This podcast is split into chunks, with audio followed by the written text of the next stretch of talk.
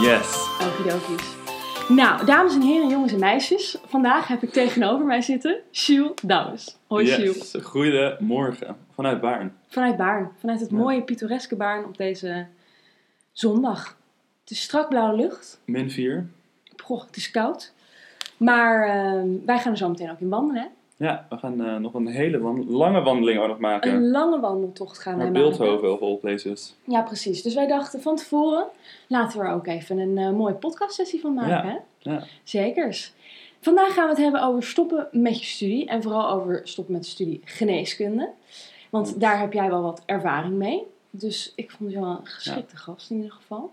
Ik denk zeker de meeste ervaring eh, in vergelijking met de meeste mensen in onze vriendengroep. Ja. Oké, vooruit, Ja. vooruit, vooruit. Ehm, laat ik maar eens even beginnen over waarom ik dit onderwerp heb gekozen. En dan kunnen we langzamerhand een beetje jouw verhaal horen. Ik kwam op dit onderwerp terecht omdat ergens begin januari kwam er in het nieuws dat een kwart van de jonge artsen overweegt te stoppen met hun opleiding eh, geneeskunde. Of op, met Ja. stoppen met eh, arts worden. Ja. Dit is een studie die is gedaan onder 1500 ANIOS en AIOS studenten in Nederland in 2020. Dus ook vrij recent in ieder geval. En de voornaamste redenen waren emotionele belasting, werkcultuur, prestatiedruk, slechte begeleiding, geïntimideerd worden door patiënten of dat ze geen aandacht krijgen. Nou, dit zijn natuurlijk al een hele lijst aan dingen die vrij vaak voorkomen. Mhm. Of je hier zelf last van hebt, daar zullen we later in ieder geval op terugkomen. Maar ik vond het wel heel erg interessant, want wij hebben wel een aantal geneeskundestudenten in onze vriendengroep. Mhm. En sowieso is het een hele populaire studie. En vind ik ook dat het wel een vrij hoog aantal mensen is die, Hoog, die er overweegt om te stoppen. Een kwart mensen, dat is echt veel. Ja. Dus eh, in principe klopt dat, want wij hebben vier mensen in onze groep die geneeskunde Ja. doen. En nou, dus één op de vier. I'm the one. You're the one, dus je bent... one out of four. You are the chosen one. Of je dat nou wil of niet, dat is nou eh, iets heel anders. Maar dat vond ik wel, wel interessant en ik wilde daar wat meer over weten. En ik wilde jou ook de kans geven om misschien aan andere mensen een beetje achtergrondverhaal daarover te vertellen. Mhm. Dus daarbij zitten we hier. Yes. Ja. Ja. Laten we maar even beginnen met een, een beetje een context creëren. Ik weet sommige vragen, antwoord op sommige vragen natuurlijk. Maar eh, ik wilde niet wat gaten laten vallen, ehm, omdat ik dat al wist. Dus gewoon Ja. een beetje een plaatje Douwes die dokter wil worden gaan creëren. Douwes die dokter wil worden. Oeh, oké. Ja. Wanneer wist je dat je geneeskunde wilde studeren of arts wilde worden? Heel laat, denk ik, in vergelijking met de meeste studenten van geneeskunde. Mhm. Ehm, ik twijfelde als kind en als, eigenlijk als jong kind wilde ik altijd dierenarts worden. Echt al toen ik vier was of zo. Ook een hele populaire studie om... eh, Ja, inderdaad. En daar, daar hield ik heel lang aan vol. Eh, ook omdat ik gewoon heel, echt heel gek was op dieren. Een hond. Ik zat op paardrijden. Eh, ik werd altijd helemaal gek van honden die ik dan buiten tegenkwam en dergelijke. Eh, maar toen ging ik erover nadenken en toen ging ik twijfelen of ik niet gewoon een hond wilde bijvoorbeeld. Eh, of dat ik inderdaad echt dierenarts wilde worden. Dus toen eh, was ik naar een studieadviseur gegaan. En toen eh, heb ik zo'n test gedaan en helemaal nagegaan en whatever. En toen kwam er uit University College of dierenar- eh, dierengeneeskunde. mhm. En toen, vanwege de twijfels, ben ik toen naar UCU gegaan. En daar ben ik begonnen in het eerste jaar met ook eigenlijk best wel heel snel de sciences, dus de wetenschappelijke vakken.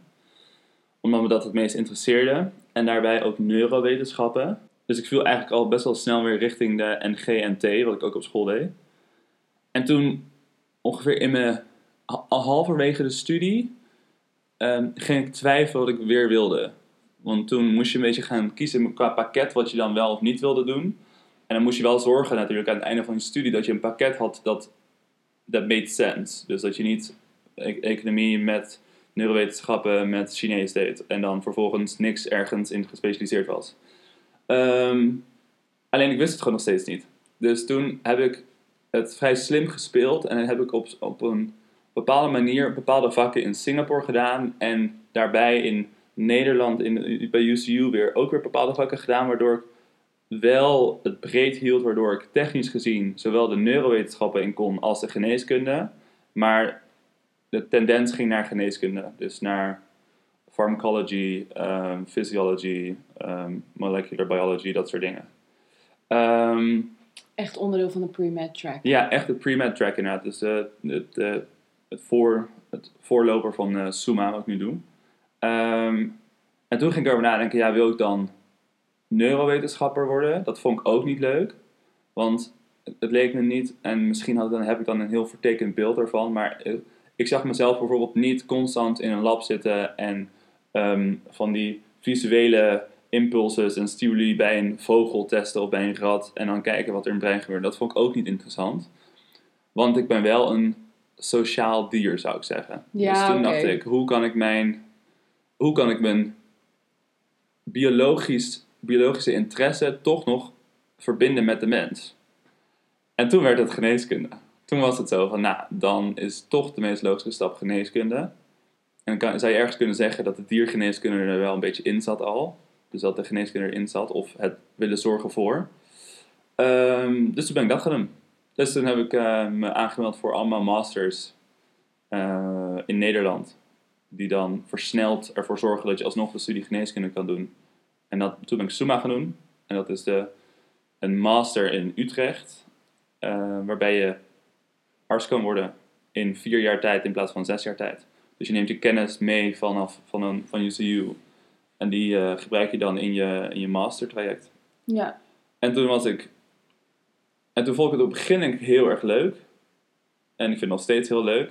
Maar toen langzamerhand kwamen er wel twijfels in. Ook omdat ik bijvoorbeeld mensen om me heen had die heel enthousiast waren en niet helemaal het einde vonden. Eh, dan moet je bijvoorbeeld denken aan een Lotte of een Pleun. Die heel duidelijk een bepaald moment hadden waar ze heen wilden. En ik had dat minder. Ik heb dat nog steeds minder. Ik heb nog steeds twijfels. Oké, dat is wel interessant. Dus als je een beetje teruggaat naar dat moment waarbij je toch zei van... ik ga nu mijn pakket zodanig inrichten dat ik wel die pre-med track op kan... samen met ook andere neurologische, met de neurowetenschappen. Mhm.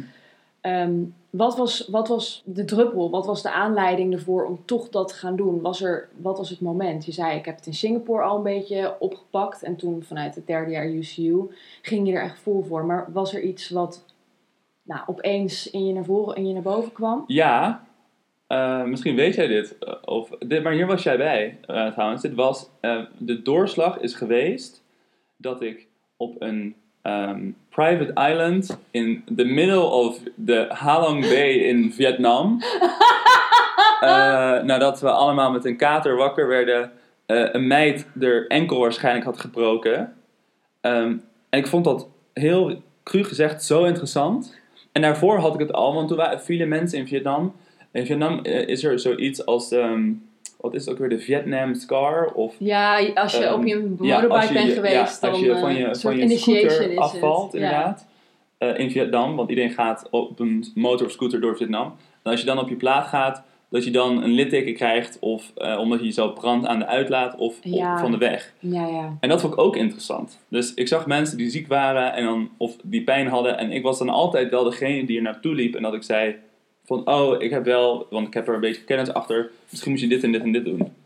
En toen weet ik nog dat ik het zo interessant vond, die volgende ochtend, toen die meid dus de enkel had gebroken, om er naar te kijken en te testen. En ik deed het helemaal verkeerd, achteraf gezien natuurlijk. I didn't know. Maar toen dacht ik, oh, ik vind het zo interessant. Ehm, en toen destijds was ik over eh, meerdere mensen, over meerdere dingen, aspecten van het leven aan het twijfelen. En bij deze was ik opeens van, oh oké, ik moet gewoon geneeskunde gaan doen. Want ik twijfelde er dus over. En ik leunde er naartoe, omdat ik dacht, ja, ik wil geen neurowetenschapper worden. Ik weet niet of ik een, eh, wil ik een kantoorbaan, ik weet het allemaal niet. Eh, wat vind ik interessant? En toen, dat was denk ik, dus dat semester in het buitenland was eh, de doorslag. Ja, dat je echt het, kon proeven. Dat je het echt Ja, in real life ja, even ik denk dat een keertje mee kon maken, inderdaad. Ja. Je hebt nu voor de studie, voor, voor Suma gekozen. Je bent Ja. nu, eh, nu er nog mee bezig. Maar zie jij verschillen in de studie normale geneeskunde of gewoon dat je vanaf je bachelor geneeskunde doet en wat jullie hebben gedaan? Wat, wat zijn een beetje de nuances daartussen? In, in opleiding, in mensen, in... Oeh, best wel wat dingen. Ten eerste is het sneller. Dus je, eh, je volgt een aantal vakken niet of minder. Ehm, en omdat het sneller is, moet het allemaal in, moet nog steeds wel de soort van de basiskennis in evenveel tijd. Ja, Dus dat, dat vergt best wel discipline. Ehm, ik denk dat geneeskunde, wat je al zei, het is een hele grote studie. Ik denk dat er ook veel mensen voor geneeskunde kiezen omdat ze gewoon niet weten wat ze willen doen, maar wel iets in de biologie willen. Eh, ik denk dat er zeker een groot deel van de studenten zal zeggen, ja, ik wil gewoon arts worden. Maar dat een deel het niet zeker weet en dan voor geneeskunde gaat uiteindelijk omdat uh, dat een logische keuze lijkt. Want je ziet uiteindelijk wel dat er veel mensen afvallen. Mm. Ehm, maar de- bij de Suma zijn de mensen die hier dan komen, zijn wel de mensen die het echt toch graag willen. Ook al kozen ze er niet aan het begin voor. Dus ik denk dat naast het, eh, de, de kennis en het academische wat verschillend is, is het student denk ik verschillend. Omdat het eh, geen bachelorstudenten meer zijn, het zijn echt masterstudenten. Eh, best wel divers. Het zijn, het zijn niet meer 18, het zijn ook echt mensen van 35 die, die het nog gaan doen. Ja, Ehm, en je moet, je moet best wel dedicated zijn. Want als je niet ehm, hard genoeg voor werkt, dan haal je het niet. Want je- de studie vraagt gewoon veel van je. je. Op een bepaald moment heb je, geloof ik, vier tentamens in één week. En ze zijn allemaal heel groot. Dus dan, als je het niet wilt, of als je niet de, de motivatie kan opbrengen en de focus en elk weekend gaat zuipen, dan red je het niet. nee, dan heb je er ook geen plezier meer in, denk ik. aan het Nee, nee, het is niet... eh, En er zitten 40 mensen bij jullie in Ja, de klas, per jaar. toch? Per jaar.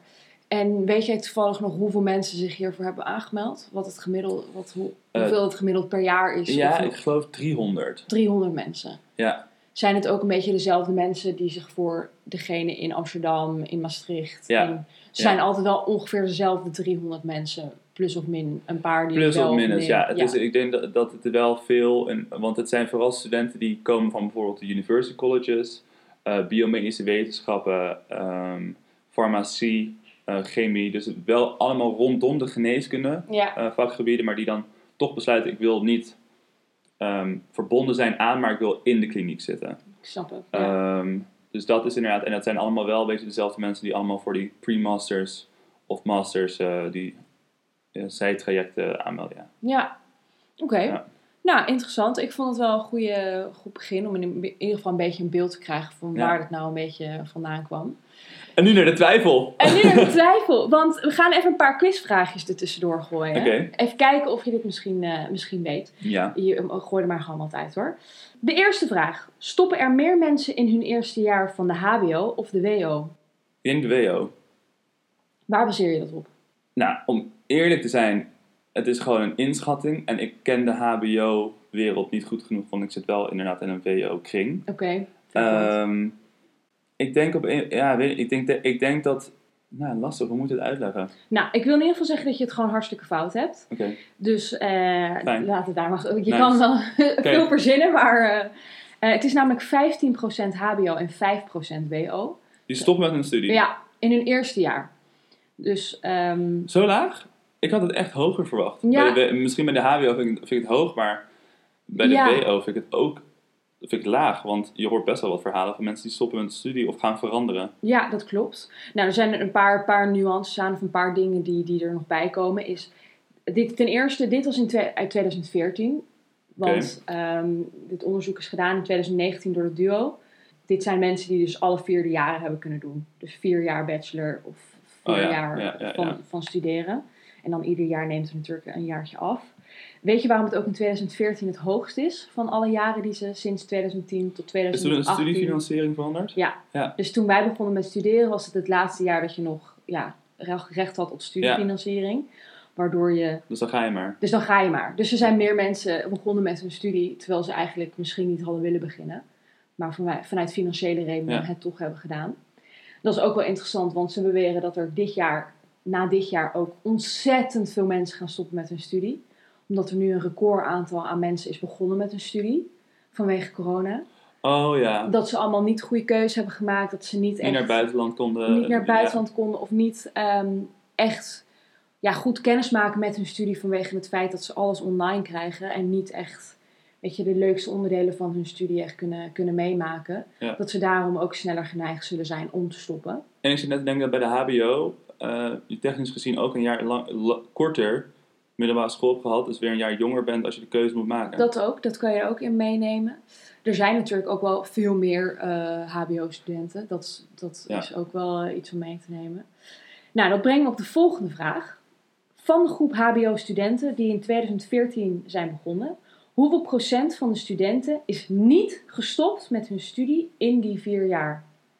Oké, dus in het eerste jaar is 15% gestopt. Ja, En vervolgens is dus van de 85% ja. die over is, wie is niet gestopt? Dus wie heeft er, wie, wie is eh, in 2018, wie zijn er gewoon... afgestudeerd? Ja. ja.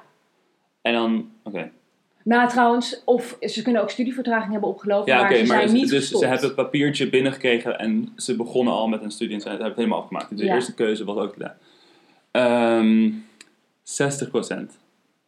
Nou, het is maar 48% stopt niet. Dus meer dan de helft van de HBO-studenten die in 2014 zijn begonnen, is gestopt met hun studie. Of ze hebben daarna nooit meer eh, een studie opgepakt, of ze zijn gewoon geswitcht. Dat, dat staat er niet bij, want dat, Ja. eh, dat, eh, dat konden Dus ze niet binnen die laatste drie jaar stopt er dus nog 35%. Er stoppen nog heel veel mensen inderdaad. Dat is toch ook een gigantische financiële domper Ja, voor de dat is ontzettend, ja, het is ontzettend moeilijk. En ik snap denk ook dat het een heel scheef systeem is. Ja, ja maar er, ja, je kan aan heel veel verschillende dingen kan je dus aangeven waarom het fout gaat en, en hoe Ja. je dat dan kan verbeteren.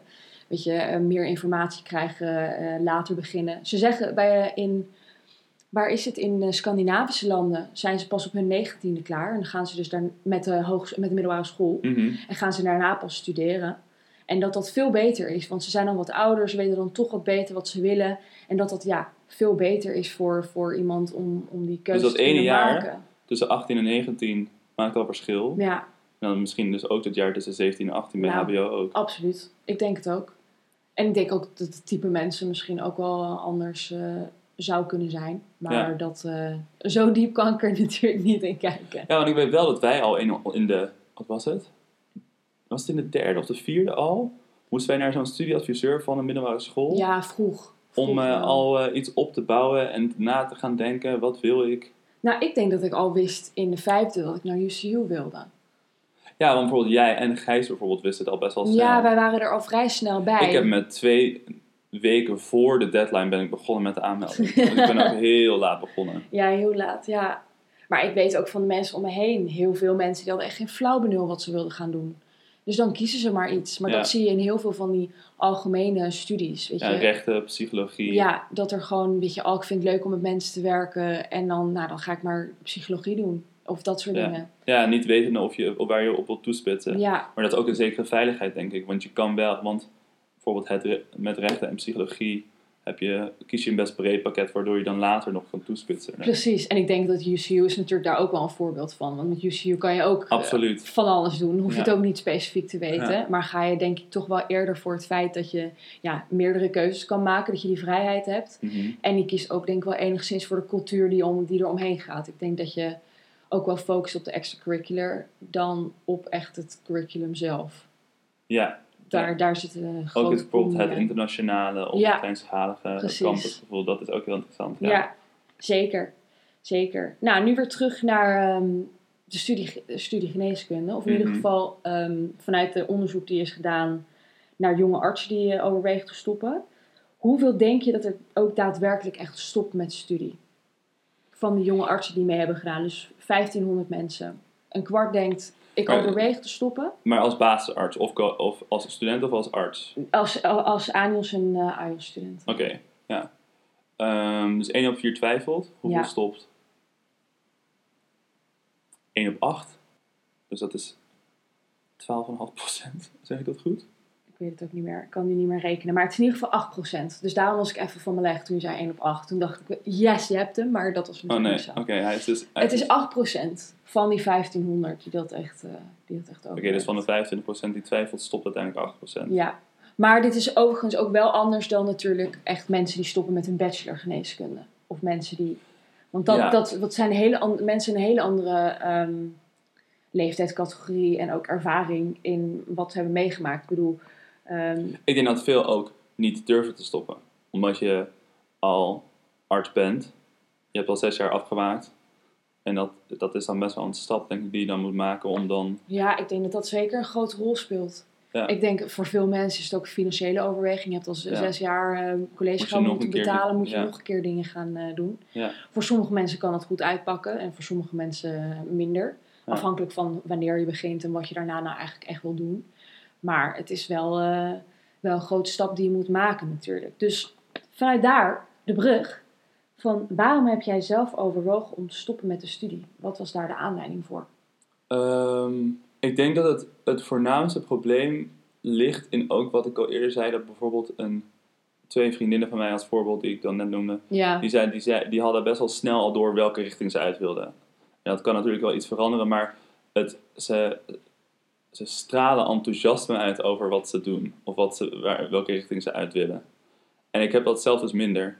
En dat is niet zozeer... Het is eigenlijk bijna een vergelijking die je trekt. Dus als ik je, wilde dit net zeggen. in ik de dacht, voor- ik laat in de zin afmaken, In de podcast maar... inderdaad. Maar ik denk dat ik denk dat, dat enigszins dat ik de, dat ik de vergelijking eh, vertel, maar dat dat niet vertaling is van wat er bij mijzelf gebeurt. En dat is dus dat je twijfelt over. Ik voel soms gewoon niet die, die passie of dat enthousiasme van wat ik wel soms weet dat ik heb gevoeld over bepa- bepaalde vakken of ehm, want als je kijkt, al, alleen al kijkt naar de vakken die je volgt, je, dan voel je bij sommigen denk van, oh, dit gaat goed, ik vind het leuk, ehm, ik heb geen moeite met studeren, dat soort dingen. En eh, dat merk ik nu dus ook, dat ik soms over het, over het algeheel soms denk, oh, ik heb er zin in en ik ga het doen en het voelt goed om op te staan. ehm, en ik heb zin in mijn kooschappen, ik denk dat de een goed voorbeeld is. Ja, Ehm, maar dat ik ook echt kooschappen had bij de interne, daar begon ik mee. En dat ik echt dacht, nou, dit wordt het niet. Dat ik echt na week twee of drie dacht, what the F am I doing here? ja. Maar eh, die interne passie, die heb je dan niet voor alles. En voor, je weet Nee. niet zo 100% zeker wat je Ja, bijvoorbeeld dat is dus heel wil. logisch, dat je niet voor alles hebt, want daarom zijn er specialismen. Ja, Maar ik heb bij geen enkel specialisme tot nu toe kunnen zeggen van, ah, dit, dit, voelt, dit voelt goed, ja. En ik heb wel altijd bepaalde specialismen in het oog gehad. Eh, bijvoorbeeld een neurochirurgie of een KNO of een, eh, sinds de kooschap gynaecologie. mhm. Maar bij elk specialisme heb ik dan wel bepaalde punten waarvan ik dacht, oh, past dit bij mij? Want het is wel een, eh de geneeskundewereld is hard werken. Het is ehm, flink aanpoten, in sommige specialismen meer dan de ander. Maar degene waar ik in geïnteresseerd ben, is ook veel competitie, eh, moet je hard werken. Ehm, dus dan wil je het liefst ook dat als je het aangaat, dat je het met zekerheid aan, aan kan gaan. Dat je er 100% Ja, voor gaat. Want zo'n twijfel gaat dan aan je knagen. Want Ja. dan denk je, dan kom je thuis, ben je helemaal back off en denk je, ik moet morgen weer. En dat wil je niet voelen. Nee, je moet juist nog wel denken van ik ben thuis, maar ik kan niet wachten om ja, morgen weer dat terug te gaan. Ja, dus dat je energie krijgt uit je werk. En dat kreeg ik niet altijd. En uit bijvoorbeeld, het, dat is een goed voorbeeld, gynaecologie, het kooschap, kreeg ik heel veel energie.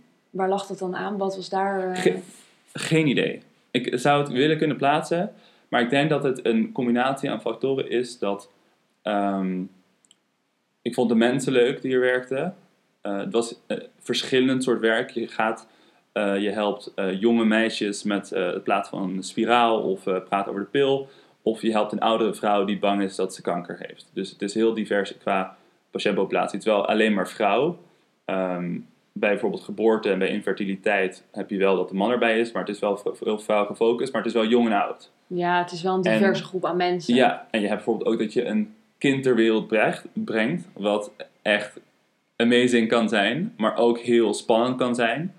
Ehm, dus het is, eh, en dan is een kind een voorbeeld, maar ook in heel veel verschillen. Bijvoorbeeld de vrouw die bang is dat ze kanker heeft, je, ehm, het best wel, je kan een hele grote impact maken, want het is een heel privégebied. Het is, veel mensen schamen zich ervoor, weten niet hoe, het, hoe, ehm, hoe ze met bepaalde klachten of met bepaalde vragen om moeten gaan. Dus als je dan als arts iemand die rust kan geven in de spreekkamer en als ze daar gaat, gaat liggen, bijvoorbeeld op de eh, onderzoeksstoel, en iedereen kent dat wel uit die films die dan de benen naar buiten gaan, Ehm, dat is heel spannend. En dat vond ik heel leuk dat ik dat op een of andere manier heel rustig kon doen. Dus ik kon iemand echt een comfort geven van oké, het komt goed. Ja. Ondanks dat ik een man ben, want er is wel ook weer een voordeling van oh, een man gaat mij onderzoeken, maar ik heb een mannelijke gynaecoloog voor me. En dat vinden mensen erg spannend. Maar dan was het het juist weer een hele interessante uitdaging om bij elke patiënt te denken: oké, kan ik ervoor zorgen dat jij comfort- comfortabel voelt bij mij, ondanks dat ik een man ben? Ehm, Maar bijvoorbeeld, je zegt dan nu, ik wil iets kiezen wat dan echt bij mij past, waar ik echt 100% voor wil gaan. mhm. Je hebt nu natuurlijk de kooschap gelopen, je hebt alles een beetje geprobeerd, je hebt de tentamens achter de rug waarbij je gewoon eigenlijk alles hebt moeten stampen. Mhm. En hierna ga je echt het traject in waarbij je veel meer echt kan specialiseren. Ja. Denk je, ben je een beetje bang voor de volgende stap omdat je het gewoon nog steeds niet 100% weet? Of denk je, Ja, ik denk, ik denk, het grappige is ook, ik, bijvoorbeeld, ik twijfelde over UCU en dan twijfelde ik over Suma een tijdje en dan nu twijfel ik wat ik wil specialiseren. Dus twijfel komt bij mij wel bij dit soort keuzes iedere keer terug. heerlijk, Ehm, hoort bij. Ja, maar ik denk dat het ook inderdaad angst is omdat specialiseren zo specifiek is. Dus je wilt dan zeker weten dat je de juiste specialisatie kiest. Kan je switchen? Kan je op een gegeven moment een andere stap zetten? Alles kan, Ja. maar het is wel een hele grote stap, denk ik. Want als jij bijvoorbeeld op een bepaald moment in opleiding bent als huisarts en je wil ehm, chirurg worden, ik zeg maar wat, meestal is het. Ja, bijvoorbeeld, dan, dan dat is wel een grote stap die je moet maken. Want helemaal als je een opleiding bent en je hebt een opleidingsplek gekregen, Ja. en dan ben je dus AIOS. En veel mensen kennen de woorden AIOS en ANIOS. ANIOS is niet in opleiding, dus je bent basisarts. En AIOS is dat je een opleidingsplek hebt gekregen en die zijn schaars. Dus als je dan bijvoorbeeld eindelijk die plek hebt gekregen waar veel mensen op wachten of voor werken, Mm. of jonge dokters voor werken, en dan zeg je vervolgens, ik ga iets anders doen. Of helemaal als je gespecialiseerd ben- ben- bent en denkt, dit is hem niet. Dan ben je dus 15 years down the line. En dan denk je, oké, laten we nu maar weer iets anders gaan doen. Ja, dat, doe, dat wil je liever niet. Nee, het, het- het- je, je, je moet heel veel tijd besteden aan. Ja, en aan je moet echt een expertise arts. Ja. opbouwen. En dat is een, is een grote investering. En als je dan zomaar weer switcht of wil gaan switchen, ja, dan begin je steeds weer opnieuw. ja, dat is wel lastiger natuurlijk. Ja, Ja, de, de, de tijd en het geld, dat, dat heeft ook wel een vrij grote factor in het verhaal. Ja, dat je gewoon ja. heel veel aan en kwijt bijvoorbeeld bent. stabiliteit. Ja. Dat je weet van oké, ik zit hier nu, ik krijg een baan aangeboden, eh onbepaald, traje- onbepaalde tijd. Ehm, ik zit in een eh, maatschap en daar word ik niet zomaar uitgegooid. Dat is, Heb je dit ook met vrienden, eh, studiegenoten en familie gedeeld? Dit soort twijfels. twijfels? Eh, ja, ik heb het er met mijn ex best wel wat over gehad. Ja. Ehm, en ik heb het met mijn vrienden binnen de studie wel wat over gehad. Oké. En hoe reageren zij? Reageren zij anders tegenover elkaar? Ja, de gesprekken waren heel anders. Want een, geneeskunde, een medegeneeskundestudent die kan met je meedenken op de fronten die jij begrijpt. En dan mijn ex die kon dan weer juist heel goed eh, andere facetten belichten. Ja, en veel meer het bijvoorbeeld levensproces. Het levensproces en de emotionele. En, eh, dus dat was, heel, dat was wel interessant. Maar ik denk uiteindelijk dat de twijfels die ik met name heb, eh, het makkelijkst waren wel laten bespreken met mijn medestudenten. Oké, dus dat is wel interessant. Want er zijn ook studies geweest waarbij het juist heel moeilijk is om dat te delen met studiegenoten. Omdat zij in diezelfde positie zitten. Zij willen er misschien heel erg... Zij willen dit juist heel erg. Ja. En kunnen zich dan misschien minder vinden in het feit dat jij toch minder passie hebt voor het vak dan zij. Nou, ja, ik denk dat bijvoorbeeld eh, aan het begin noemde je al een aantal dingen waarom jonge artsen bijvoorbeeld twijfelen Ja. over de werkdruk, over ehm, ehm, Emotionele Emo- belasting, werkcultuur, prestatiedruk, slechte begeleiding. Dat zijn denk ik dingen die dan sneller voor lief worden genomen door iemand die heel enthousiast is dan door iemand die dat niet heeft. Oké, dat is En ik twijfel dus bijvoorbeeld over, want ik heb bijvoorbeeld tijdens mijn kooschappen gehad dat ik echt ehm, bij de bepaalde kooschappen, bijvoorbeeld interne geneeskunde, kwam ik thuis en dacht ik, ik heb hier zo geen zin meer in en het moet morgen weer en het moet nog vier weken lang. En dat ding was vijf weken, dus na een week was ik het al, ik dacht, Helemaal beu. what am I doing here?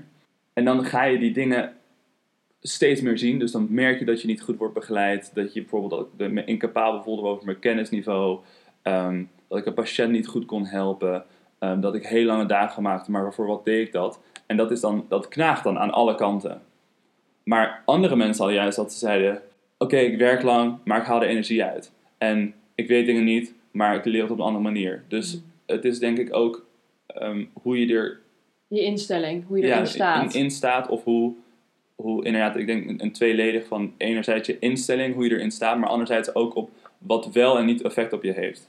Want als een patiënt dan vindt dat ik het niet goed deed bijvoorbeeld, of als ik het idee had dat ik niet goed de patiënt kon helpen, dan dacht ik weer, ah, ik doe het weer verkeerd. Maar misschien dat iemand juist die enthousia- enthousiast was, dacht, hé, hey, ik weet het niet. Ik ga daar opspringen en ik ga het meer ja. meer kennis op, op ehm, brengen, niet opbrengen, ehm, vergaren om te zorgen dat ik de volgende keer weer beter kan doen. Ja, dus het, het heeft allemaal wel iets met elkaar te maken hoe je dat soort dingen kan ervaren. Hoe je erin staat, eh, je passie ervoor Ja. en dat soort dingen. Ja. Interessant is, ze zeggen dat ook vier op de tien eh, jonge arts is geïntimideerd door een patiënt. Heb je dat zelf ook wel eens gehad? Ik vind dat een Ehm, hoog percentage of een hoog, eh, hoog aantal mensen. En je hebt zelf gezegd van, ja, een patiënt vindt niet dat je iets goed doet. Dus Ik heb wel een patiënten gehad die, die, die lastig deden, of die het niet met me eens waren, of die bleven door, naar mijn ervaring, drammen over iets wat ze wilden. Dus, maar ik heb nooit, denk ik, echt geïntimideerd gevoeld.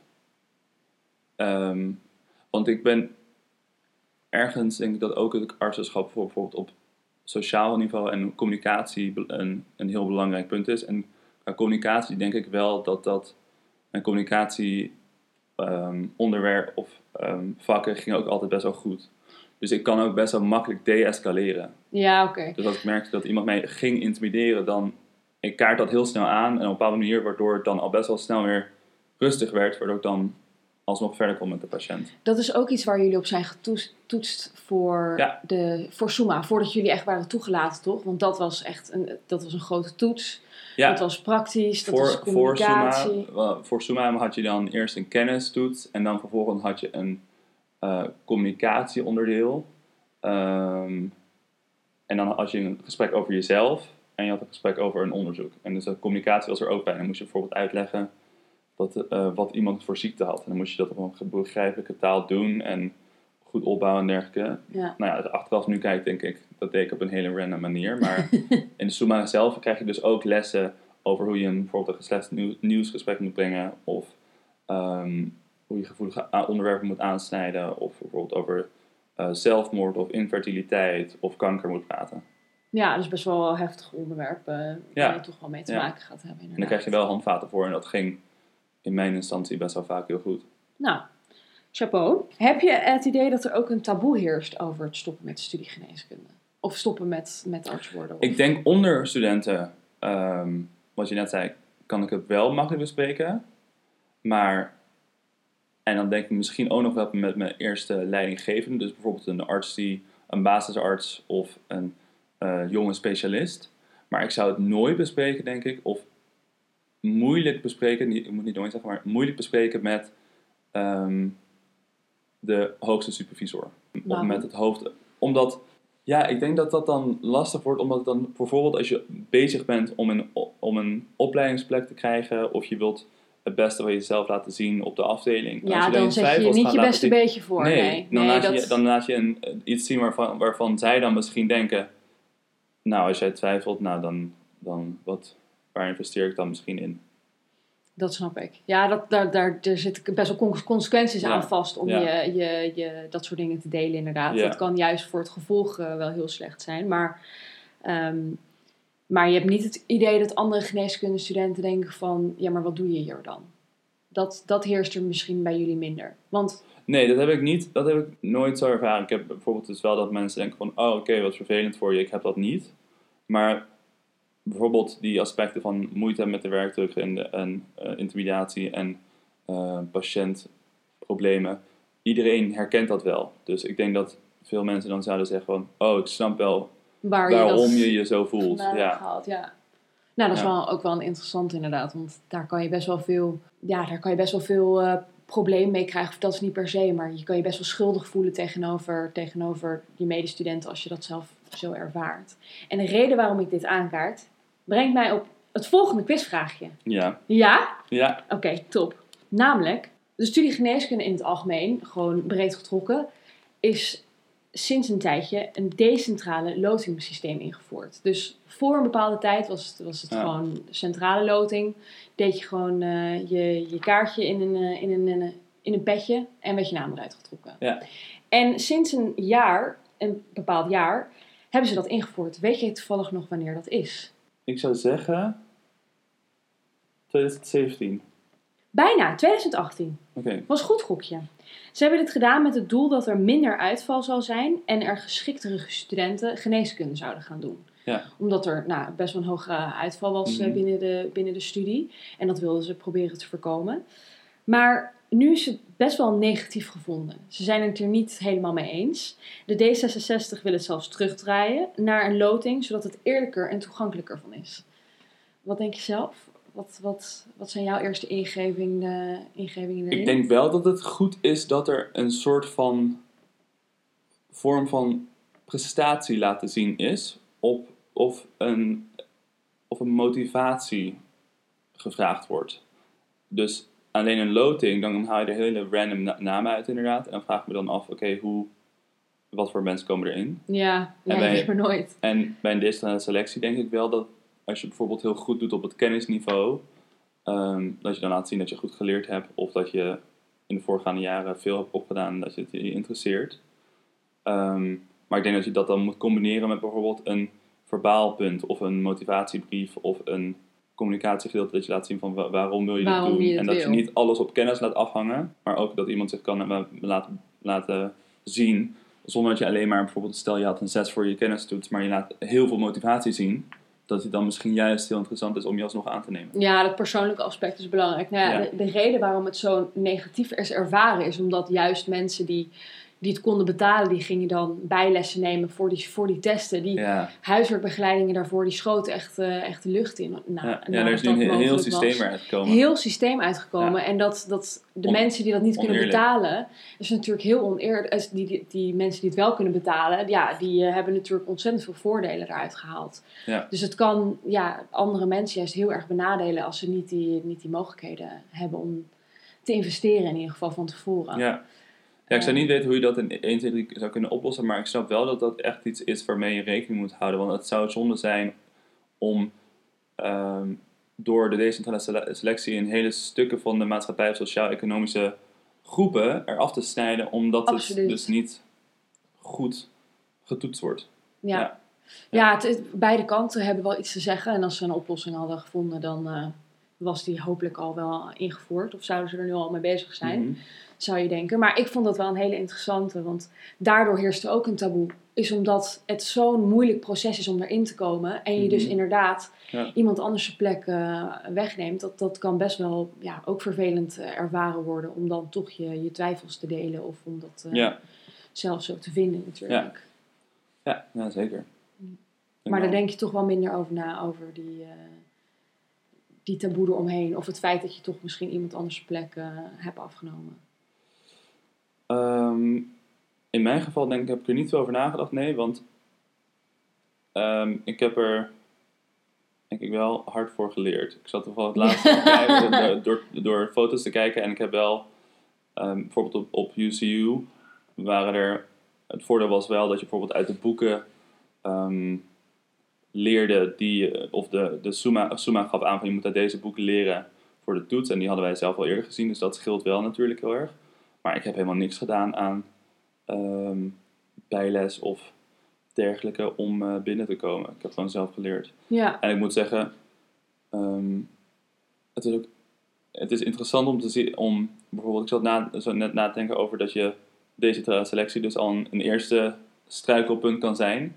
Maar als ik nu kijk naar bijvoorbeeld de decentrale selectie en hoe je er dan ingaat met, hé, hey, ik ga geneeskunde studeren. Dat is nog zo breed. En nu ben ik met hele andere aspecten alweer bezig met richting basisarts van, oké, hoe, wat voor werkuren ga ik maken en waar ga ik zitten. En, ehm, dus in die zin, nee, ik ben er niet veel mee bezig geweest eigenlijk. nou ja, dat, dat, dat kan natuurlijk Ja. ook. Maar dat, zijn heel veel mensen die dat eh, heel anders eh, ervaren. Dus daarom vroeg ik het ook. Of je dat zelf natuurlijk, eh, natuurlijk hebt gehad. Nee, Ja. niet veel mee bezig geweest eigenlijk. Nou, nu even een ander wildvraagje er tussendoor. Ook is er onderzoek gedaan naar hoe eh jonge artsen het hebben ervaren in de coronaperiode, in de eerste golf. Beter. Beter, Ja. inderdaad. En dat was vooral omdat er meer, eh, ik heb dit gelezen, tenminste als dat de vraag is. Ja, ja, was de Eh, werkdruk meer- hoger of lager tijdens de eerste coronagolf? Ik geloof dat de werkdruk, ik weet niet zeker of hij echt lager was, maar ze, hij werd lager ervaren omdat er veel meer teamverband was. Ja, Er was want er was veel meer oog voor elkaar en van hoe, hoe gaat het met je, red je het nog, ja. Eh, is het te doen. Ja, dat is landelijk is dat eh, op een gegeven moment naar voren gekomen. Ja. Iedereen die eh, ja. zit Maar gewoon dat was in de eerste golf vooral. Uren. Ja, zeker. Want, ja, maar die, dat is bijvoorbeeld ook iets. Als je kijkt naar die uren. ehm, er was een onderzoek gedaan door de jonge dokter. Onder oh, wat was het, 500 tot 1000 eh, jonge artsen ook. Ja. En daaruit bleek dat 9% voor zijn overuren werd gecompenseerd van alle artsen. ja, heel weinig worden er Ja, En gecompenseerd. eh, gemiddeld werken ze 9 uur per week over. Ja, dat stond er ook. Ehm, en dan 9% werd gecompenseerd en maar 3% werd financieel gecompenseerd. Dus het is ook heel erg in die wereld, wat bijvoorbeeld voor mij een twijfel is, van nou, je werkt gewoon door en je houdt je mond. Dat is inderdaad, ja, dus die werkcultuur, dat is best En- wel. Die werkcultuur en ook bijvoorbeeld de secundaire voorwaarden, als ik, ik weet verhalen van, van vrouwen die zwanger werden en dan, en dan echt bang waren om te vertellen, want, er, weer, want je, je valt uit en hoe gaan we het dan oplossen? Ja, Dus je wordt kwalijk genomen voor je volgende stap. Dus ook bijvoorbeeld secundaire werk. Wat heel, wat heel cru is eigenlijk. Want je zit in een ziekenhuis, je zou denken, die zorgen goed voor zijn medewerkers. ze zouden begrip hebben voor mensen die een nieuw leven erin maar een hebben, leven, dat wordt heel raar aangekeken. De 1 op de, gezondheid. 1 op de 5 artsen heeft burn-out klachten. 1 op de 7 valt uiteindelijk met een burn-out uit. Dus er gaat iets mis. Nou, dat zeker. Maar, Maar- dat, maar dat begint dus al in het moment dat mensen als jonge arts zijn. Ja, En, en die, dat is juist de reden waarom ze ermee willen stoppen. En dan gaan ze toch door. En dan krijg je toch dit soort klachten. Wat natuurlijk heel slecht is voor Ja. het gezondheidssysteem. Want daardoor verlies je nou, eh, juist je het is ook gevaarlijk, want je, je, je, je, je, verliest capaciteit, er komen wachtrijen, je, je doet je zorg voor de patiënt minder goed, want Ja. je bent moe, je hebt er geen zin in, eh, je, je kan je slechter concentreren. Ehm, en dat is, dat is de burn-out aan de ene kant, maar wat, wat ik dan ook heel scheef vind aan de andere kant, is dat er ook ge- eh, vanuit de overheid druk is om de opleiding korter te maken en om minder mensen aan te nemen, want het is zo duur. Dus, maar dan daarbij komt het probleem dat je een vergrijzende bevolking hebt. Ja, Dus, dus, de er bevolkingsgroep wordt steeds groter waar je veel meer zorg moet gaan leveren. klopt. Ehm, er wordt maar 5% van het zorgbudget uitgegeven aan preventie. Dus het valt uiteindelijk toch heel erg veel neer op de arts. Maar je hebt wel minder artsen. En ze, de 1 op de 5 heeft burn-out klachten. Kortom, Where do you start? ja, het is, een, het is het, inderdaad, dit artikel vond ik ook wel... Ik vond het heel scheef, want de problemen die, die stapelen zich op en ze doen er niks tegen om het nou echt, eh, echt te verbeteren. Nee, minimale stappen. en ook juist stappen. averechtse stappen. Dat je bijvoorbeeld zegt van ik wil een opleiding korter maken en ik wil dat je meer mensen aanneemt. Terwijl je weet dat er een gigantische Minder mensen aanneemt. minder mensen aanneemt. Terwijl je weet dat er een gigantische groep aan, aan ouderen komt. Want die, die boomers, eh, makkelijk gezegd, die er straks bij komen. En dat je dan, daar moet je ook voor gaan zorgen. Maar ja, hoe ga je dat doen met minder mensen? Ja, wat daar ook interessant bij is, dit, heb ik, dit komt me nu opeens te binnen, maar er zijn nu veel meer vrouwen die geneeskunde studeren. Dus de percentage vrouwen die arts wil worden is veel hoger. En daarbij hebben ze ook berekend dat er wel een grotere uitval gaat komen. Dat dat best wel slecht gaat werken op het systeem. Omdat er inderdaad vrouwen die, die worden zwanger, die gaan er Ja. een aantal maanden uit. Of ehm, eh, die, gaan, die kiezen dan toch om voor een paar jaar voor hun kinderen te zorgen. Dat soort dingen. Dat dat ook best wel eh, op het systeem eh, een Ja, impact gaat gelukkig, hebben. ja. ja. Wat vind, wat, wat- heb je dat zelf ook gezien of ervaren of voorbeelden van? Nou, als je bijvoorbeeld kijkt naar, naar zwangeren, wat, wat nu veel gedaan wordt, en dat is natuurlijk jammer, maar bijvoorbeeld vrouwen die, ik weet van, van het is een soort van tendens, geloof ik, geworden, dat je pas zwanger wordt als je in opleiding komt. Dus als je AIOS bent. Mhm. Want dan heb je zekerheid dat je een opleiding, dat je een opleiding hebt. En dan, eh, als je dan zwanger wordt, dan wordt daar vaak omheen gewerkt. Dus dan is het van oké, je bent al een opleiding, we weten dat we je willen, maar nu ben je zwanger. Ehm, oké, daar gaan we mee werken. Maar ja, als je als ANIOS zwanger wordt, dan ben je, heb je een, gewoon een eenjarig contract en dan is het niet voor bepaalde, onbepaalde tijd en dergelijke. Als jij dan zwanger wordt, Heel veel Dan- risico. dan is er veel meer risico. Want dan zou, dan, als jij bijvoorbeeld gaat solliciteren, dan kan best de, ehm, het comité wat daarover gaat, eh, die de beslissing maakt, denken van ja, maar ja, jij bent zwanger of jij wordt binnenkort zwanger. En dan ben ik weer een jaar iemand kwijt en dat kost me weer geld en tijd, dus dat ga ik niet doen. Nou ja, dat mag helemaal niet. Dat is discriminatie. Dat, Ja. dat, is, ja, dat, dat mag helemaal niet. Ja, maar toch ja, is, gebeurt het wel inderdaad. ja. Ja. Oké, een beetje een afrondende vraag. Ehm, heb je het nu nog wel naar je zin eh, bij geneeskunde? En denk je van, ik ga hem toch doorpakken? Hoe sta je er nu in? Ja, ik ga, nou, ik ga, nu, ik ga hem zeker doorpakken. Ehm, ik, ga, ik ben nu onderzoek aan het doen en ik ga dan een kooschap doen. Een, een semi-artsstage van drie maanden bij de neurochirurgie. Dr. Dreamy. Omdat dat, dat altijd, Dr. Dreamy, omdat dat altijd wel iets is waar ik me geïnteresseerd in heb. Ehm, maar ik, terug naar de neurowetenschap. Ja, naar neurowetenschap af te gaan, maar het is wel een hele competitieve wereld. Een van de meest competitieve werelden.